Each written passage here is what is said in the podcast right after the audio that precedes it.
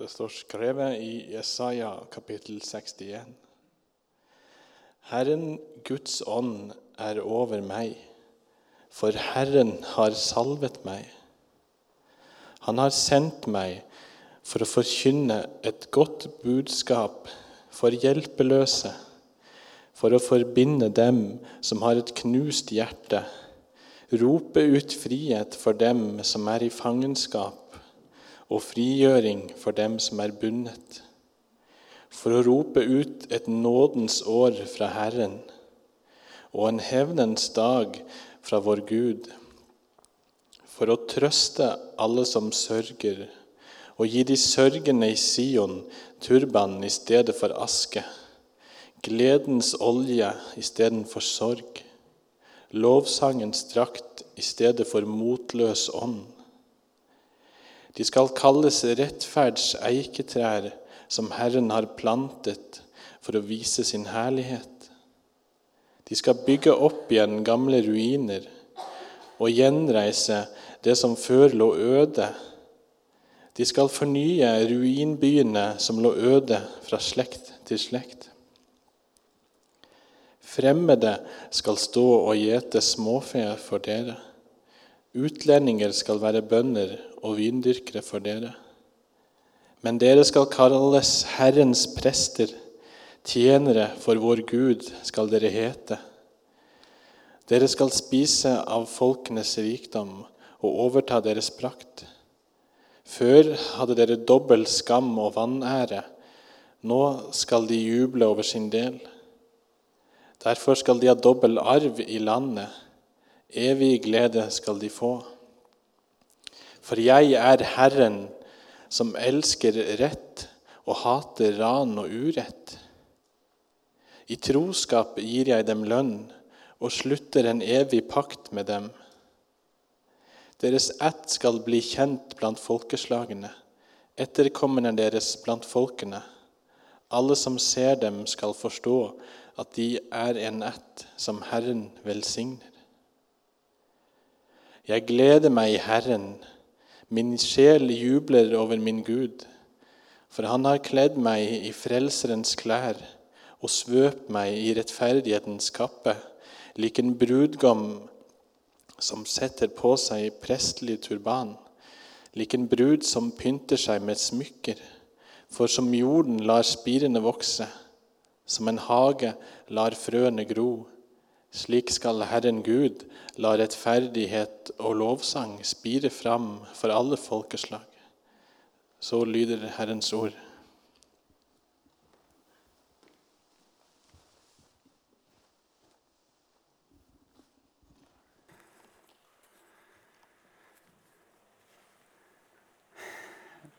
Takk, Sigurd. Um, og takk, Markus, for det du delte. Sterkt eh, vitnesbyrd. Og jeg vil oppmuntre, Hvis du kjenner på at det hadde vært godt å ta en prat med Markus, og du kjenner deg igjen i noe av det med å ha det tungt, så, så gjør det etterpå. Det blir tid for forbønn der bak, og, og sikkert ute i gangen etterpå. Det er godt å være sammen med dere igjen. Eh, for dere som ikke kjenner meg, så heter jeg Marius. Jobber som ungdomsleder. som sagt.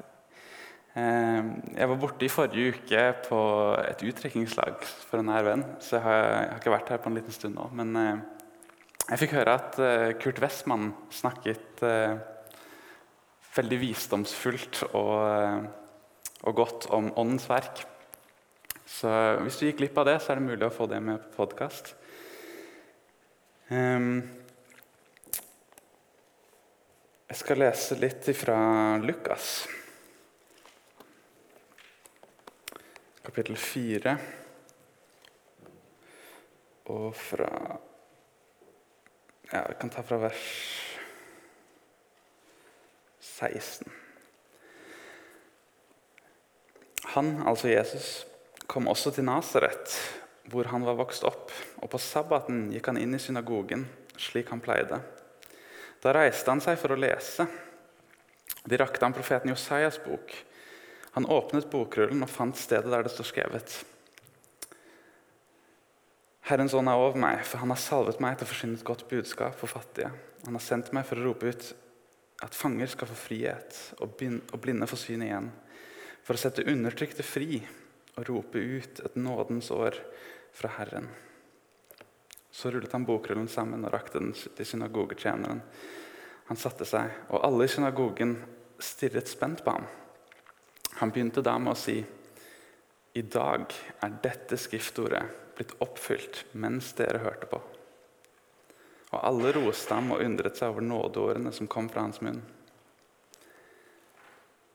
Eh, la oss be. Kjære, gode Gud. Eh, Herre, jeg ber om at du taler til oss i kveld. Jeg ber, eh, ber Herre om at eh, det skal bli en stund av tilbedelse. At vi kan få et møte med deg, Herre. Du ser eh, her jeg står, så er jeg bare et fattig enkeltmenneske. Men, men jeg ber Gud om at du må, må tale gjennom meg, og at ditt ord Herre, må bli gjort levende for oss i kveld. Eh, du ser hver enkelt i salen og hver enkelt som lytter seinere. Du vet hva de trenger, Gud. Må du tale midt inn i deres situasjon. Takk, Herre, for at ditt ord det er ikke bare, bare ord og anbefalinger eller lover, men det er faktisk kraft og liv. Jeg eh, ber Herre om at vi må være mottagelige for kraft og liv.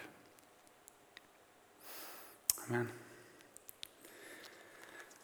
Yes. Eh, jeg vil først gi litt bakgrunn eh, for det som ble lest av Sigurd. Og som Jesus også åpner egentlig sin tjeneste med å si når han er i synagogen. Eh, Jesaja er jo en bok som er ganske gammel. Den er skrevet ca. 740 år før Kristus. Eh, og det er kun én profet i Det nye testamentet som er sitert mer enn Jesaja. Eh, og det er David, for de som er interessert i det. Eh, Kong David, altså. Så Jesajas er full av Messias-profetier. Det er en utrolig god bok å lese hvis du eh, har litt tid en kveld, og leser litt i Jesajas bok. altså. Eh, og veldig sånn Grovt sett så kan du dele opp Jesaja i to og si at kapittel 1-39 handler sånn cirka om dom. Det er domsord over eh, for det første Israels folk, som har vendt seg vekk fra den ene sanne Gud. og De driver med avgudsdyrkelse, de driver med alle mulige ting.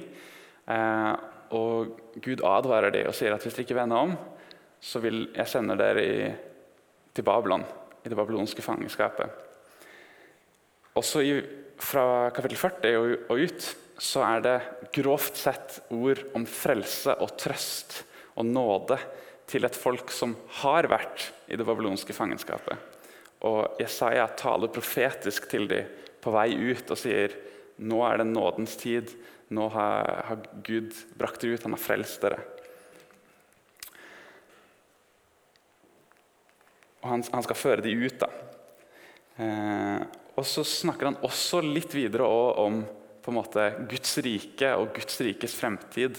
Eh, faktisk litt om himmelen. og Mot slutten i 60 og utover så er det utrolig mange sånne gode beskrivelser også av den tiden som ligger foran oss. Eh, men Isaiah-boken handler først og fremst om Gud. Først og fremst om hvem, hvem han er eh, og hans hensikter. Han, han, taler om dom og advarsel for et folk som tilba med leppene deres. Men deres hjerte var langt fra ham. Det er Isaiah 29, 13. Eh, og så taler han imot tilbedelse av ulike avguder. Og, og, virkelig en sånn ønske om en sann og ekte tilbedelse hvor blikket er rettet på han.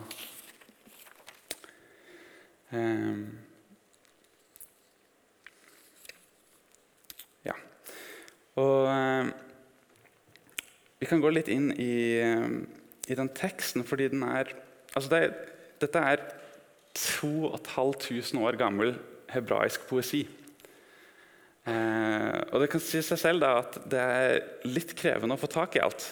Så jeg tenkte jeg rett og slett skulle legge ut litt. Så jeg skal gå gjennom litt eh, vers for vers, eller faktisk enda, enda nøyere enn det. Herren Guds ånd er over meg. Og Du ser med en gang at her er det ikke på en måte Jesaja som taler om seg selv. For jo, det var sant at han talte profetisk, og ånden var over ham. Men han taler på en måte som ikke var vanlig i profetisk tale. og Du kan ikke se det noe annet sted i, i profetene. Hvor han taler som om han er en annen. Eh, ikke bare profetisk fra Herren, men som en annen enn en på en måte Herren. Sant? For det er Herren sånn som er over meg. Eh, for Herren har salvet meg. Og når Guds ånd er over noen, og de er salvet I Det gamle testamentet så var dette noe som skjedde med, med konger og prester og profeter. De som var spesielt utvalgt av Gud til å være ledere for folket. Til å være en slags mellommann mellom Gud og mennesker. Eh, Gud ga de da kraft og visdom til å utføre den spesielle tjenesten som de hadde for Gud. Og Når da denne som taler her, sier at ånden er over meg, har salvet meg, så bringer det med en gang assosiasjoner til Messias. Messias betyr den salvede. Eh, og på gresk så er Messias Kristus. Messias på hebraisk, Kristus på gresk. Eh, Messias, den salvede kongen som skulle komme fra Davids ett for å etablere Guds rike til evig tid. Og dette, er, dette ser vi nesten med en gang her, at det er den personen som taler her nå i, først, i på en måte jeg-form. da. Og Dette er den samme personen som Jesaja snakker om flere ganger tidligere. Jeg skal ta noen eksempler. I kapittel 7, vers 14 så er, eh, er, det dette med at en kvinne skal bli med barn, føde av en sønn og gi ham navnet Immanuel, Gud med oss. I kapittel 8, 14, vers 14 og 28, vers 12 så er det hjørnesteinen som noen skal snuble over, eh, men som de som tror på, kan ha som et sikkert fundament i kapittel 11, vers 12, så er han den som samler Israel fra alle de fire hjørnene. samler de. I kapittel 9, eh, vers 6 og 7, så er han den underfulle rådgiver, veldige Gud, evig far, fredsfyrste. Og Jesus selv tviler jo all, han fjerner all tvil om dette kapittelet når han selv siterer det i synagogen der og sier at dette handler om meg. Han sier at 'jeg er Messias', og dette er det jeg er kommet for å gjøre. Det er liksom en mission statement helt sånn i starten av hans tjeneste. Og Så står det at folket roste og undret seg over ham. Fordi ordene han talte, var fylt av så mye nåde. Det var et godt rykte. Altså, det er vår Herre. Han har nådefull eh, tale. Og så står det også det ja, Herrens ånd er over meg, han har salvet meg, og han har sendt meg. Han er sendt. Eh, han kommer ikke i sitt eget navn eller egen autoritet, men han kommer i sin fars navn og i sin fars autoritet, i Guds autoritet. Hvorfor er, hvorfor er han sendt? Og Det står 'for å forsyne et godt budskap'. Et godt budskap som på gresk er evangeliet. Godt budskap. Gode nyheter. Og han er kommet for å forsyne det, for å proklamere det, for å rope det ut. Eh, vi, vi, kanskje, vi, som er kristne, vi har hørt det ordet 'forsyne'. og det er liksom, ja, det er den forsyner, noe sånt. Men forsyne betyr jo egentlig at vi skal rope det ut. Sant? Eh, forsynnere sto De var liksom sånn som Johannes ute i villmarken, og han ropte ut. Han forsynte. Folk trodde han var gal. vet du. Eh, og så står det han skal forsyne et godt budskap for hjelpeløse. Og det, det, er utrolig viktig. Det la jeg merke til. I noen av de engelske oversettelsene sto det 'ydmyke', men jeg liker faktisk 'hjelpeløse' bedre. Fordi det som ordet inneholder, er de som ikke kan hjelpe seg selv. Sant? De som er svake. Eh, en av de norske oversettelsene sier 'fattig'. Og det er egentlig litt feil, fordi vi tenker som regel pengemessig fattig. Men det er snakk om en åndelig fattigdom. Den som ikke kan hjelpes, eh, hjelpe seg selv, men som trenger hjelp. Og jeg tror Det er så viktig, for det er så mange ganger i Bibelen at det står om det. Salig er de fattige i ånden. Sant? Eh, ydmyk dere under Guds mektige hånd, så vil Han reise dere opp. Eh, det, er, det, er, kanskje den holdning, viktigste holdningen som hele Bibelen snakker om at vi skal ha. er at vi som tror på han, vi skal være ydmyke. Vi skal være hjelpeløse og vi skal være fattige. Fordi det er kun den hjelpeløse som vil be om hjelp. Den stolte ber ikke om hjelp.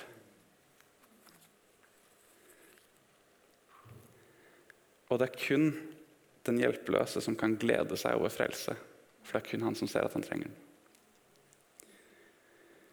Og så står det videre for å forbinde dem som har et knust hjerte. Og På den ene siden så er dette et budskap om frelse til israelsfolket på den tida fra eh, deres fangenskap i Babylon. Men når Jesus sier at 'dette har jeg oppfylt i dag', så er det helt klart at han gir det en åndelig betydning. Sant? Han sier at 'dette oppfylte jeg i dag', ikke bare for 600 år siden, når jeg fridde dere ut fra Babylon, men dette oppfylte jeg i dag. Jeg er den som er salvet, og som vil bringe frelse. Og hva er det da for slags frihet han da eh, taler om? Det er ikke eh, Ja, det er, en, det er en åndelig frihet. Og jeg tror når vi bruker det ordet åndelig, så er det veldig lett å tenke det nesten som synonymt med symbolsk. Og det tror jeg er veldig feil. Fordi vi er, vi er, oppdratt i en sånn kultur som er såpass materialistisk at vi tenker det, det materielle er på en måte det mest reelle. Hvis du skjønner. Men jeg vil påstå det, og i hvert fall det Bibelen vitner om, er at det åndelige er enda mer reelt. Det åndelige er en enda større realitet enn det materialistiske. Eh, og frihet i det åndelige er så uendelig mye mer verdifullt enn frihet i det fysiske. Er du fri åndelig, da, da er du sannelig fri. altså.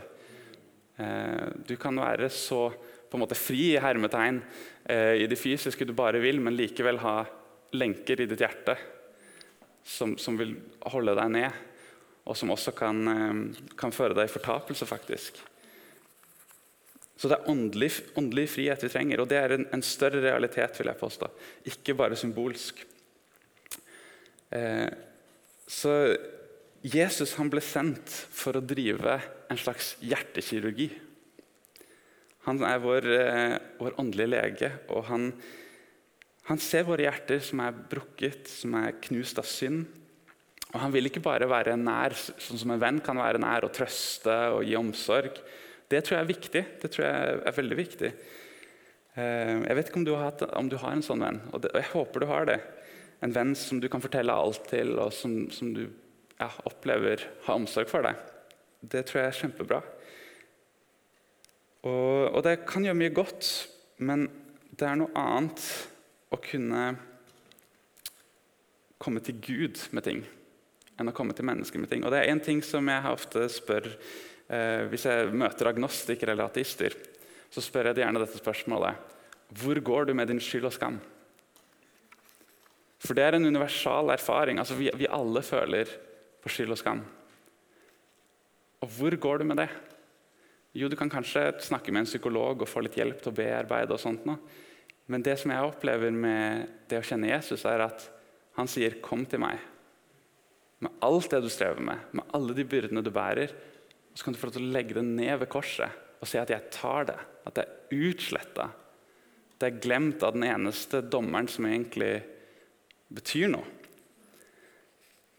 Og det setter meg jo virkelig fri. Det bringer sann legedom. Og for det å fortelle til, til, et menneske det kan hjelpe tror jeg, litt du skal ta et bilde her, men det kan hjelpe litt sånn som å lufte klær når du har, vært, eh, altså har svetta det til. Så kan det hjelpe litt å lufte det.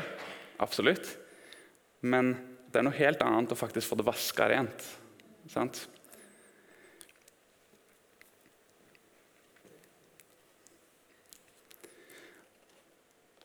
Så står det videre her for å rope ut frihet for dem som er i fangenskap, og frigjøring for dem som er bundet. For å rope ut et nådens år fra Herren og en hevnens dag fra vår Gud. Et nådens år det, det som refereres til, er dette med sabbatshvilen Det var slik i Israels lov at de skulle, hvert syvende år skulle de la landet ligge udyrket, og det skulle hvile. Og de skulle gi hvile til dyrene, og de skulle gi hvile til slavene. Og, og slippe, slippe, folk fri, da, som hadde, hadde gjeld osv. Så, videre. så skulle man på en måte gjøre opp alt hvert syvende år. Det var, det var liksom sabbatsår, en nådens år. Eh, og så var det også slik at hvert, eh, altså hvert syvende år, og så hvert 50. år, eller noe sånt, så var det eh, Da skulle på en måte alt resettes. da. Så hvis noen hadde kjøpt noe land, eller sånt nå, så fikk de muligheten til å Altså den som solgte det, fikk muligheten til å kjøpe det tilbake for at eh, det skulle på en måte gå i slekta. Og at man ikke skulle holdes, eh, holdes for de syndene eller den, Kanskje du hadde et dårlig år eh, med avlingen.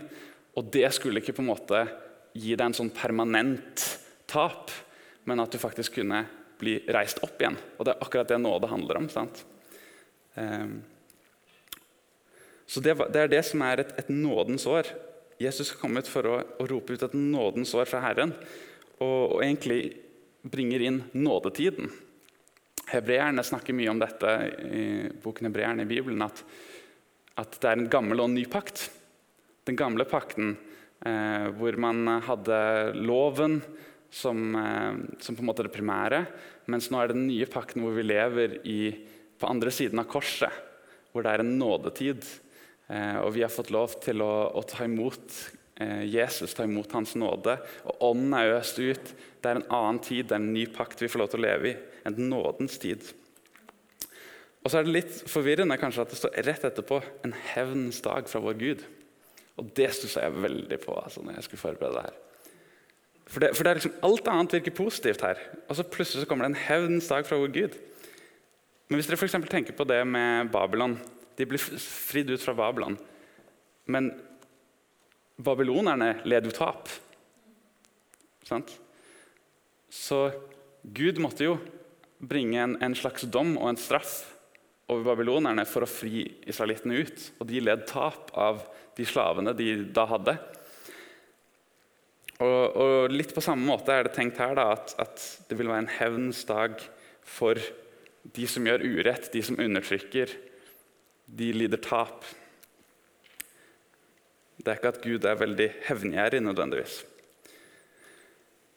Og så står det for å trøste alle som sørger. Den hellige ånd er trøsteren, skriver Johannes. Og vi kan få Ånden som kan bo i oss og, og være vår trøster og vår medhjelper. Så fantastisk at Gud gir oss trøst. Og så står det å gi de sørgende i Sion turban i stedet for aske, gledens olje i stedet for sorg, lovsangsdrakt i stedet for motløs ånd. Jeg synes Det er så fantastisk hvordan poesien får det frem her. Ehm, de sørgende i Sion. Turban. Turban var, eh, var jo knyttet til en festdrakt. Sant? Så istedenfor aske Aske var jo noe du strødde på hodet hvis du var i sorg. Da hadde du på deg sekkestrie i, den, eh, i Israel på den tida. Tok du på deg sekkestrie, og så strødde du aske på hodet for å vise at nå er jeg i sorg. Og så satt du på gatehjørnet og gråt. Og da var, det liksom, da var det dyp sorg. Og Vi ser dette flere ganger med, med ulike folk gjennom Gamle testamentet. Da, at, at, de kler seg i sekkestrie. Når, um, ja, F.eks. når Jonah eh, forsyner omvendelse for Ninive, så står det at, at, hele folk, altså kongen gikk ned fra tronen, tok av seg klærne og kledde seg i sekkestrie, strødde aske på hodet. Og hele folket gikk inn i sorg, eh, og de vendte om. Mens istedenfor det så skal vi få turban. Vi skal kles i festklær. Gledens olje istedenfor sorg. Olje ble brukt særlig til to ting. Til å lage brød og til å lage parfymer. Og begge er assosiert med festhøytidene for det israelske folket. Tenk, Du kjenner aromaen av, av ferskt brød og aromaen av eh, av de oljene som ble brukt til, sånn, til parfyme under de ulike festtilfellene. Fest, og så bare merker du at nå er det fest.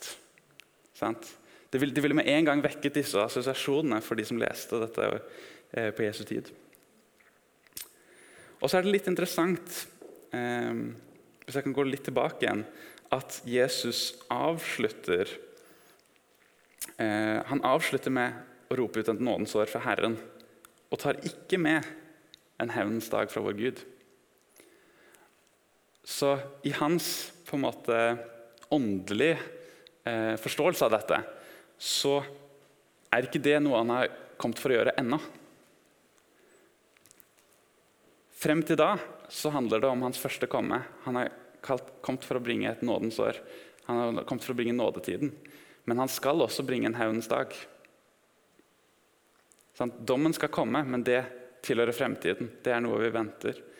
Eh, så mye av resten av her så vil jeg kanskje si at hovedtidspunktet eh, hvor det skal komme, er det som vi har som et løfte for all evighet. At vi skal i all evighet få lov til å være kledd i lovsangstrakt, f.eks. I stedet for motløshetsånd. Men slik det er at vi, når vi vet det, så kan vi allerede nå glede oss. Så kan vi allerede nå eh, være glade og løfte blikket og takke Gud for det. Og slik det er med Guds rike sånn, Jesus sier at Guds rike er ikke her eller der, men det er midt iblant dere. Så Guds rike er her, og samtidig så vet vi at det skal ha en fullendelse lenger fremme. Det skal bli fullført. Det har kommet, men vi ser jo at det fortsatt er urett i verden. Vi ser at det fortsatt er ting som skulle vært annerledes. Eh, så en dag så skal det komme i sin fullendelse og bli etablert, og vi skal ha himmelen Eh, hvor det står at eh, vi skal få se han sånn som han er, og bli forandret inntil hans likhet. Og det står om at løven og lammet skal leke sammen. Og, den dagen ser vi frem til. Ja, og Så står det videre at med lovsangsdrakt i stedet for motløshet sånn. De skal kalles rettferds eiketrær som Herren har plantet, for å vise sin herlighet. Rettferds eiketrær som står stødig og støtt som kan bære et byggverk, f.eks. Rettferds eiketrær som Herren selv har plantet.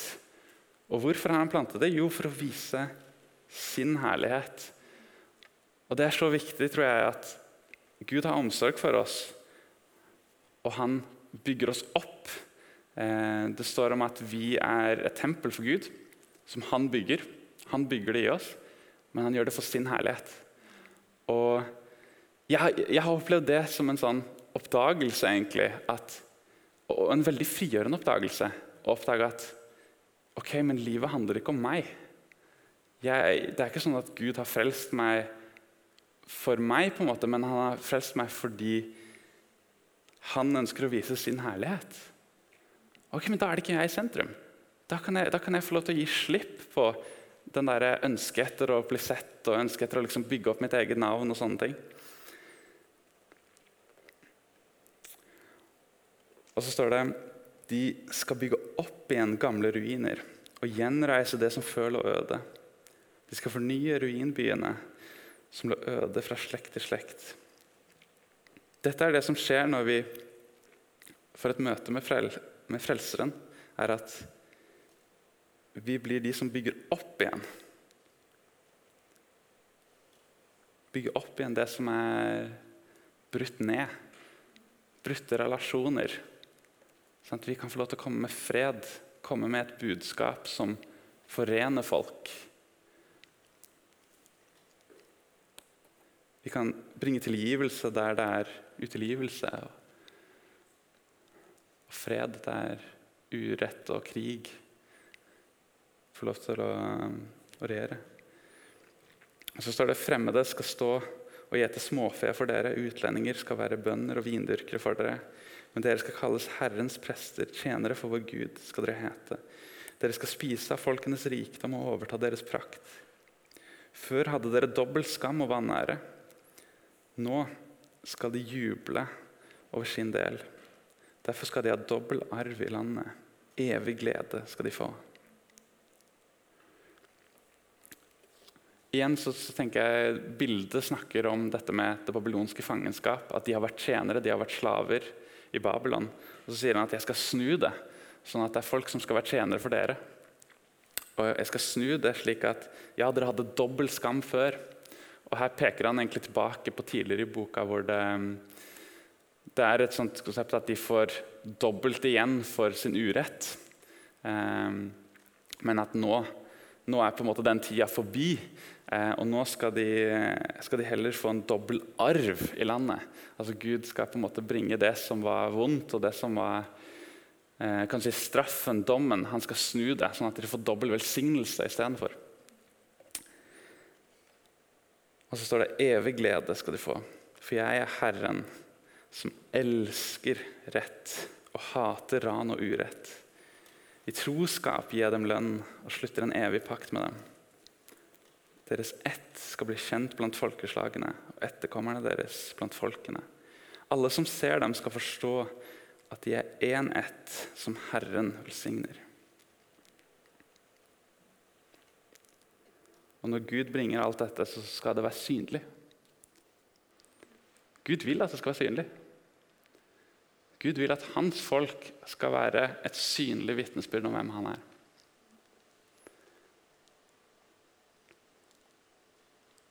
En by på et fjell kan ikke skjules, står det i Matteus.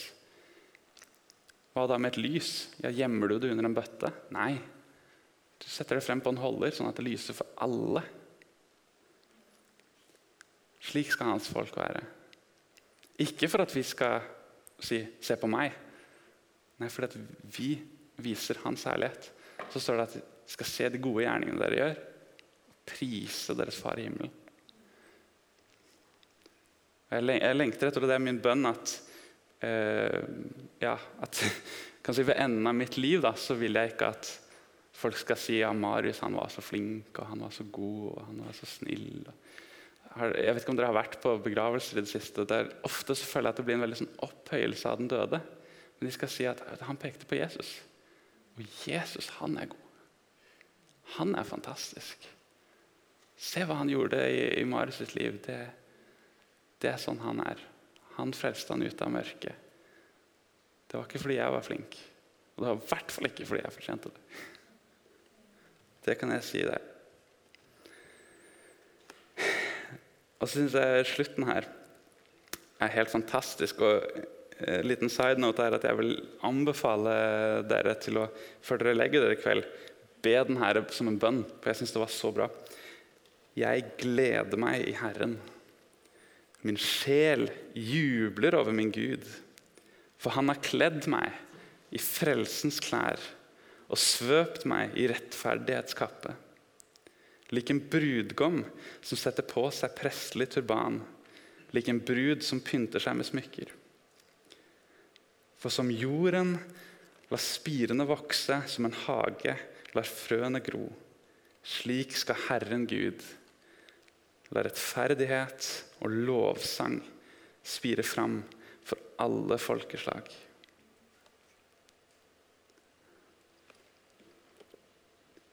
For en måte å avslutte. Vi har all god grunn til å glede oss i Herren. Og til å juble og til å synge lovsang.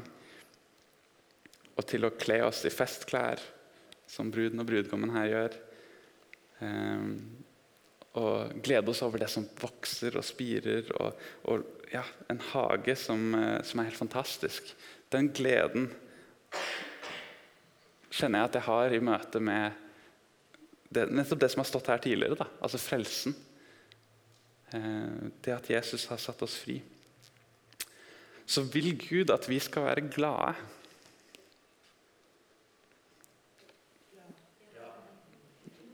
Dere hørtes ikke helt sikre ut. Vil Gud at vi skal være glade? Ja? Det er jo, det er jo bra. Hvorfor vil Gud at vi skal være glade? Jeg sa innledningsvis at et hovedtema i Jesaja eh, eh, vet mulig jeg ikke sa det, da, men et, et hovedtema i hvert fall er dette med avgudsdyrkelse. Sann tilbedelse eh, som er til Gud. Et hovedtema ja. Når du hører det ordet, avgudsdyrkelse, så får du kanskje assosiasjoner til dette med gullkalven når de vandret ut av Egypt i andre Mosebok. Eller et sånt utskjæret dyr av tre som noen liksom bøyer seg ned og tilber. Men det er ikke kjernen av hva det begrepet betyr, av hva et idol er, eller en, en, en avgud er. Og jeg fant en utrolig bra definisjon som jeg har tenkt å lese for dere. Teolog Tim Keller han, eh, han sier dette at i sin bok 'Counterfeit Gods' Hva er et idol? Det er noe som er viktigere for deg enn Gud. Alt du søker å gi deg, det bare Gud kan gi. Et idol er hva du ser på og sier i hjertet ditt. Hvis jeg har det, da vil livet mitt ha mening. Da vil jeg vite at jeg har verdi. Da vil jeg føle meg betydningsfull og trygg. Det er mange måter å beskrive denne typen forhold på, men det beste er kanskje tilbedelse.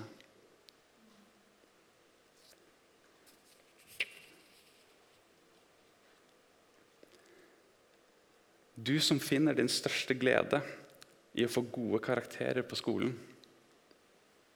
Det er et idol. Venn om. Du som finner din betydning og verdi i at folk liker deg, at du har et godt rykte og venner. Det er et idol. Venn om. Du som lar din kjæreste, mann og kone, eller, eller kanskje tanken om en fremtidig ektefelle fylle din fantasi og ditt hjerte enda mer enn Gud. Det er et idol. Venn om.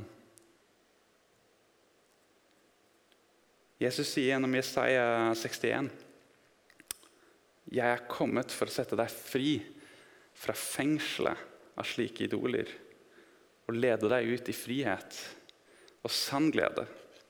Slik glede som ikke er avhengig av omstendighetene, men finner sin glede i Gud selv. Han som aldri forandrer seg. Han som er den eneste som fullstendig kan tilfredsstille vår trang til kjærlighet, til trygghet og anerkjennelse. For han kjenner oss fullt ut. Han kjenner alle våre tanker, våre følelser. Alt er en åpen bok for han. Så fremfor han er vi alle like nakne.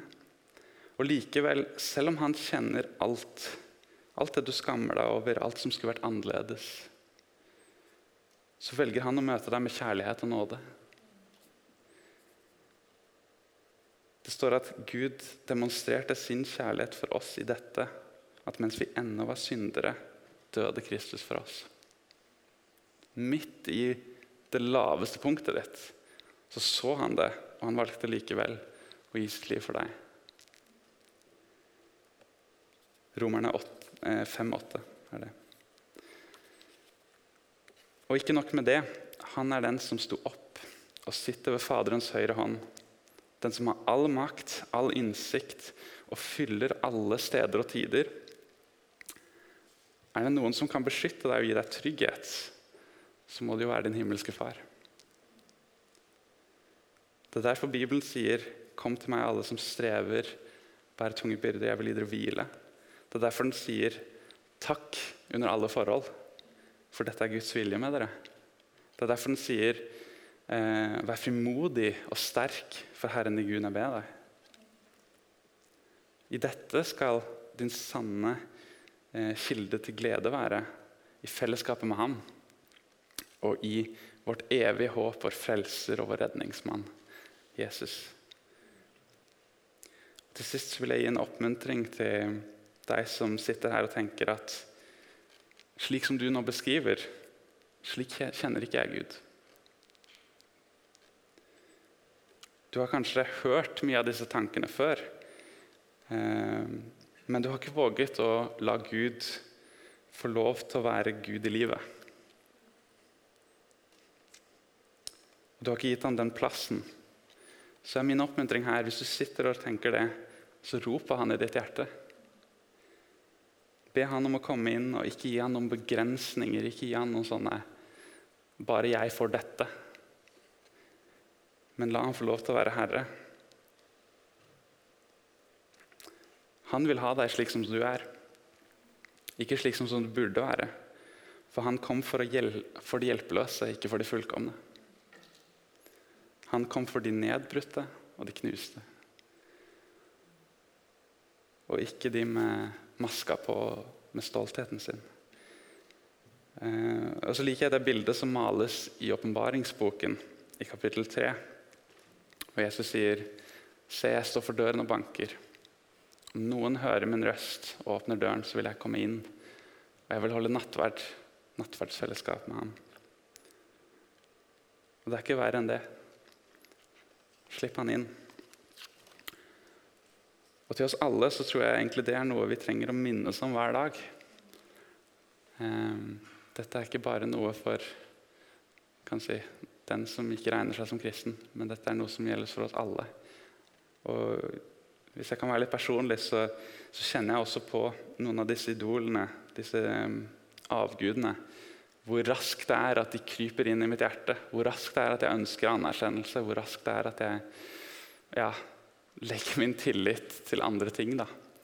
Uh, og hvis jeg kjenner meg liksom stressa eller lei, eller det er et eller annet, så søker jeg liksom eh, trøsten i YouTube eller et eller annet sånt tull. Eh, Istedenfor å komme med det til Gud, så bare trykker jeg det litt ned der. Eller Ja. Det, det, er så lett for oss alle. Jeg tror vi trenger å minne oss om det og, og rett og slett vende om og komme til Gud igjen. Og si at du, jeg, jeg vil at du skal være min nummer én. Jeg vil at du skal være alt. For du er nettopp den som eh, er salvet, du som har gitt meg et godt budskap, du som har forbundet mitt hjerte, du som har satt meg fri fra fangenskap. Det er du som har gitt meg turban istedenfor aske.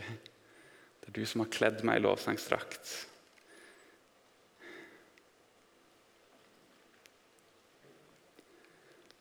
Jeg skal avslutte med å lese de siste versene, fra vers 10. Jeg gleder meg i Herren. Min sjel jubler over min Gud.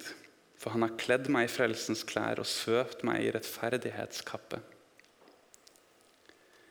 Lik en brudgom som setter på seg prestelig turban, lik en brud som pynter seg med smykker. For som jorden lar spirene vokse, som en hage lar frøene gro, slik skal Herren Gud la rettferdighet og lovsang spire fram for alle folkeslag.